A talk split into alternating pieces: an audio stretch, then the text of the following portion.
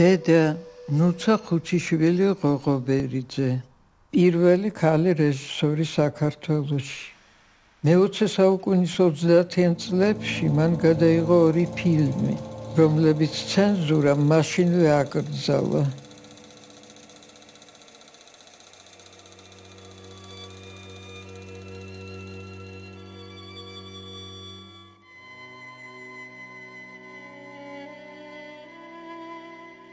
მერე დიდი ტერორის დროს დედა დააპატიმრეს. ფილმებიც გაქრა თითქოს სამუდამოდ. და დღეს მე მისი შვილი 93 წლის კინორეჟისორი ყვები ერთი დავიწყებული ქალის ცხოვრების და მისი ასევე დავიწყებული ფილმების ამბავს.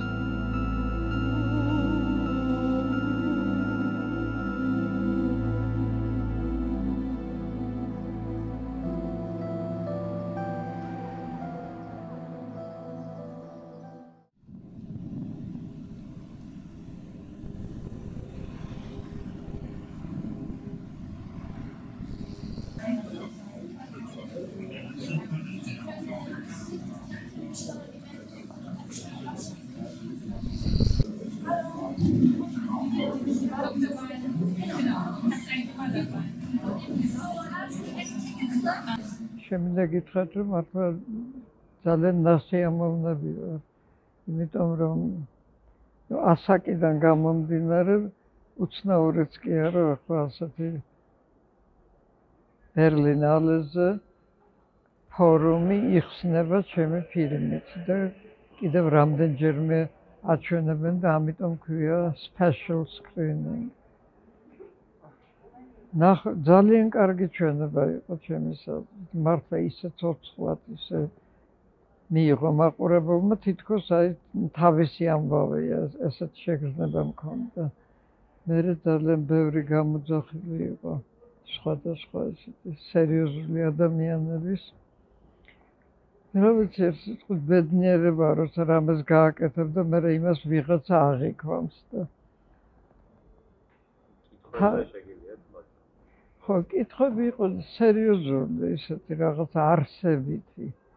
აი, აინტერესებდა დედაჩემის პიროვნება, რატომ არაფერს არ ამბობდა ფილმებზე, ჩემზე რამდენად იმოქმედა დედაჩემის რეჟისორობამ, რომ მე გავხდი კინორეჟისორი. საერთოდ ეს პრობლემა ხელისუფლება და პიროვნება შემოქმედი და აი რა რა ურთიერთობა შეიძლება იყოს. მე ის ის საკითხებია, რომლებიც ჩემთვისაც მართლა ძალიან მნიშვნელოვანი იყო ყოველთვის. აი მე ეს მაინტერესებდა დედაჩემზე ფილმი, იმიტომ მინდოდა მარტო იმიტომ არა რომ დედაჩემი და ჩემთვის ძალიან პირადი ისტორია იყო. კიდევ იმიტომ რომ ვიცოდი ეს არ არის მარტო პირადი ისტორია, ერთი ადამიანის ისტორია. ძალიან ზოგადდება თავისთავად.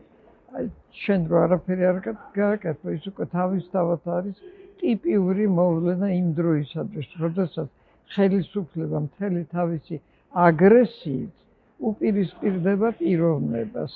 აი ესე გაანადგურეს მთელი თაობები საბჭოთა კავშირში. ზოგი თვალ ფიზიკურად დახრეტით ზოგი გადასახლებები და ზოგი უბრალოდ იმითი რომ საერთოდ არ მისცეს განვითარების საშუალება რომ ეს ისეთი ზოგად საკაცობრიო მოვლენა და იმდენად თოცხალია დღესაც. იგივე ყველაფერი რაც ხდება ძალადობაზე დამყარებული რეჟიმები ებრძვიან დემოკრატიულ რეჟიმებს. და დემოკრატია არის აი ის რისკენაც კაცობრიობა მიისწრაფის და კონკრეტულად ჩვენ აი ჩვენში ისევ დგას ეს პრობლემა.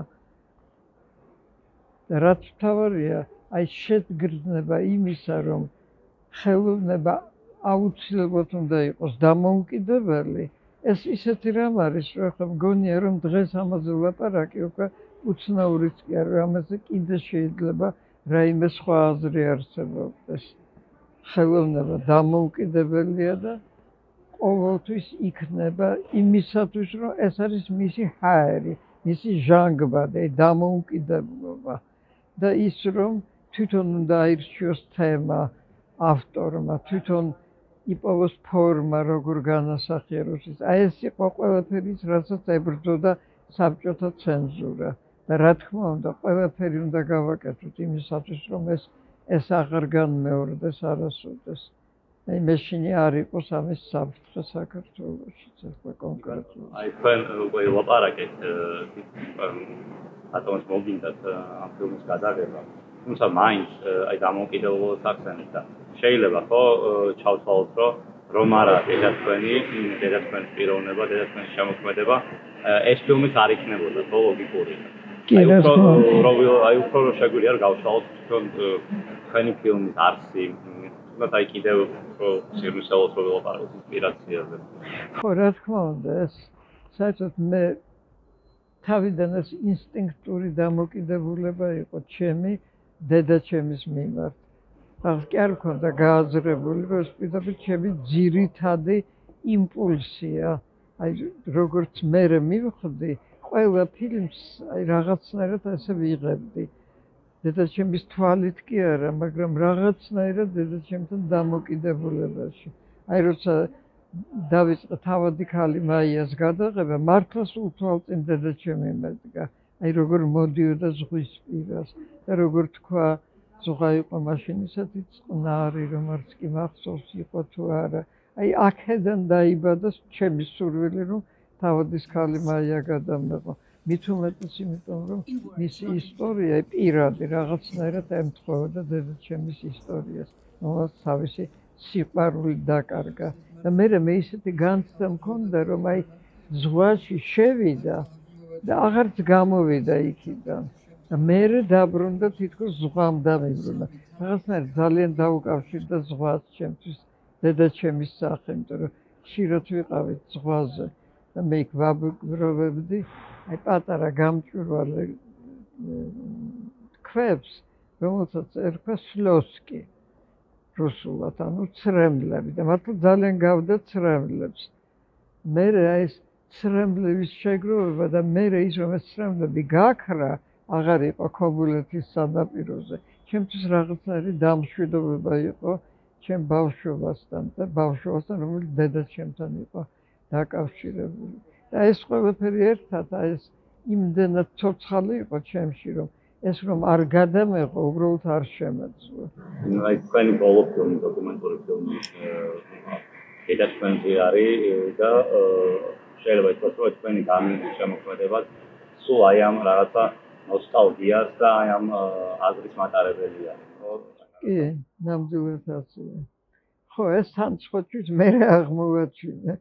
რომ ძალიან ბევრ ფილმში რაღაც არის აი რამე ეპიზოდი დედასთან დაკავშირებული და ის უკვე ბოლო ფილმი რომელიც მე გადავიღე საბჭოთა კავშირის დანგრევის მერე ვალსი პეჩორაზე. აი ის უკვე უშუალოდ დედაჩემის მოთხრობებზე არის დაფუძნებული. მხოლოდ მაშინ შევძელი ამ ფილმის გადაღება იქამდე ეს პრაქტიკულად შეუძლებელი იყო. აი პირველად როდესაც რამდენიმე ინტერვიუში გადავიღე სცენა დედის დაბრუნება გადასახლებიდან. ამან მთელი ამბები გამოიწერა გოსკინოში, რუსეთში პირდაპირ მეუბნებოდა რომ ამოიღეთ ეს წარსული სცენები და მშვენიერი ფილმი იქნება. ცოტა მერე მოვახერხეთ ის რომ არაფერი ეს არ მომიღია, მაგრამ აი ეს ასე იყო ასე ებრძოდა. პირველი ხსენება იყო საერთოდ გადასახლების და გადასახლებიდან დაბრუნებული ქალის და საინტერესო ამბავია სხვათა შორის ის რომ რამდენიმე წლის მერე აა ეს გვარი დამოვიწყდა ის ძალიან ცნობილი დისიდენტი სახაროვის მეგობარი. ჩამოვიდა საქართველოში მომძებნა და მითხრა რომ სახაროვმა მითხრაო ანდრეი სახაროვმა. ახლა დიდი მოვლენა იყო ჩვენ ცხოვრებაში. აუცილებლად ნახე ეს ფილმი იმიტომ რომ ეს არის ერთადერთი ფილმი საბჭოთა კავშირში გადაღებული შიშის ფენომენზე. და მე არც მეგონა რომ აი ასე შეიძლება აღიქვას ეს ფილმი. ვინმე რომ აი მაგრამ მართლა იქ არსებობს ეს ეს შიში რომელიც გამ რომლითაც გამსჭოლულია ყველაფერი. და ეს მართლა ძალიან მომხდა მაშინ გულზე რომ სახაროვს მოსწონებია ძალიან ფილმი რამდენიმე ინტერვიუ.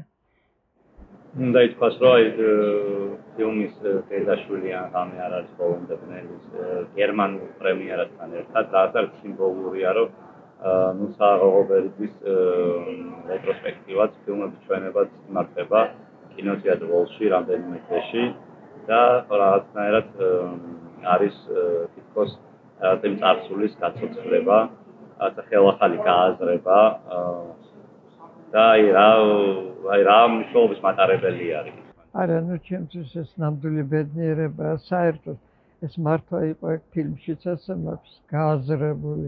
ნამდვილი დაბრუნება დედაჩემის ჩემ ცხოვრებაში და მარტო ჩემ ცხოვრებაში არა ქართული საზოგადოების ცხოვრებაში. და ის რომ თანდათან ის უფრო და უფრო ხდება ინტერნაციონალური, უკვე ბევრგან იყო მართალია ჩვენები, მაგრამ ეხლა რაღაცნაირად კიდევ სხვა გააზრება მოყვა შეიძლება ჩემმა ფილმად შეუწყო მას ხელი, რომ მართლა რაღაცა კონტექსტია გააზრებული ფილმის ფილმები და ის რომ ეხლა კიდევ იქნება აქ ჩვენებას ძალიან დიდი სიხარულის მომტანია ჩემთვის.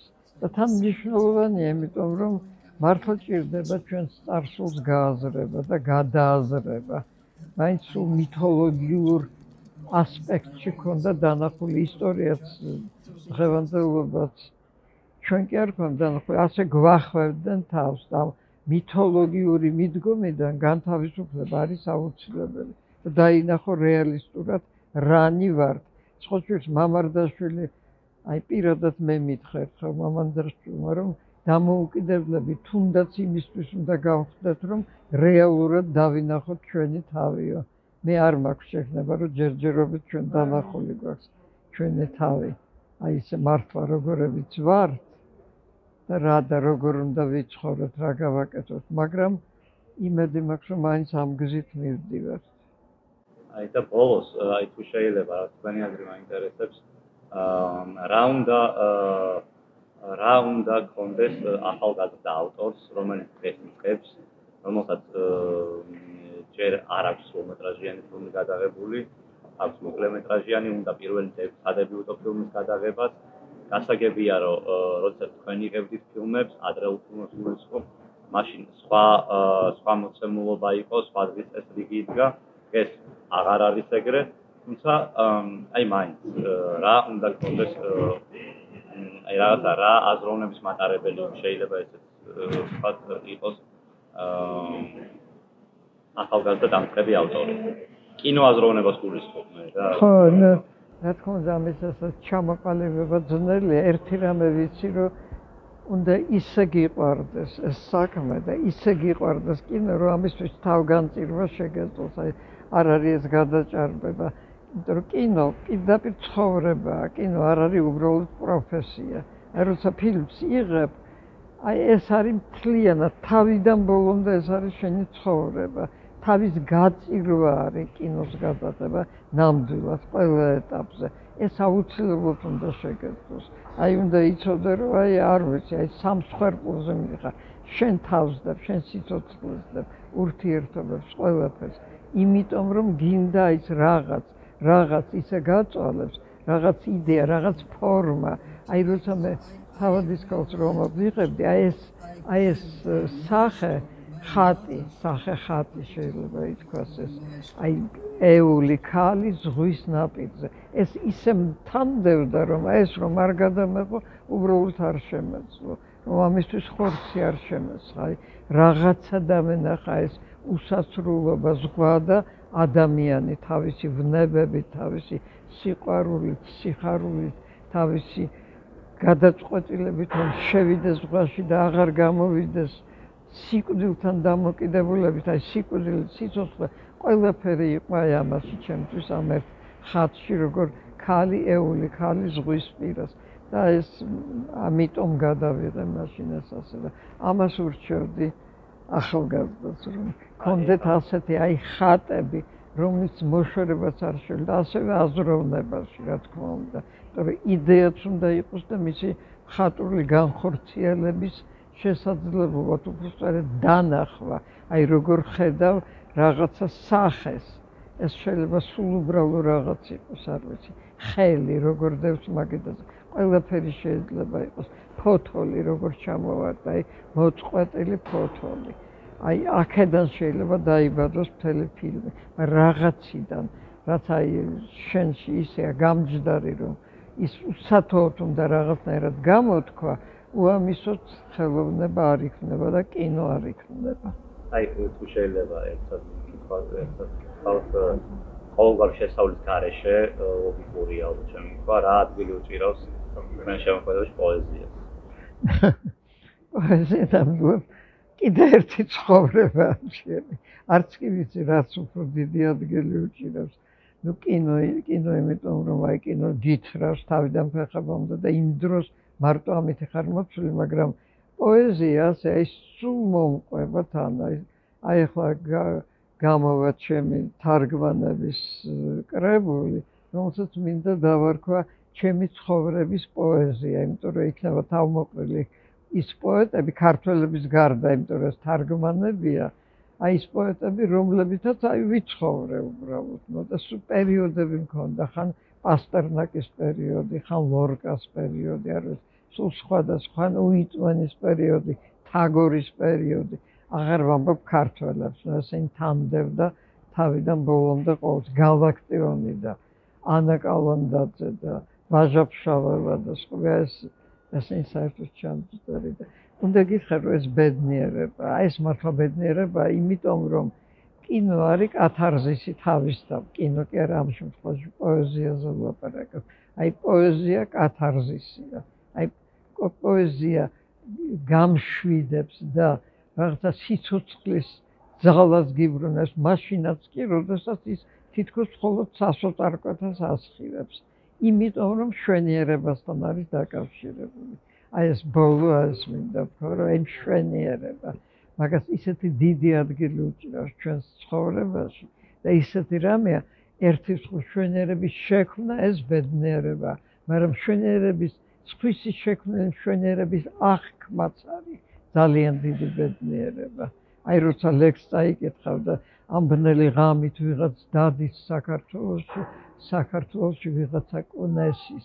აი ამას რო წაიკითხავ და ამას შეიგრძნობ რაღაცით, როგორც შენსას, ეს ისეთი აღქმა სილამაზის და მშვენიერების, რომ გადაყავხარ სხვა განზომილებაში. აი ეს არის კათარზის. At last we win.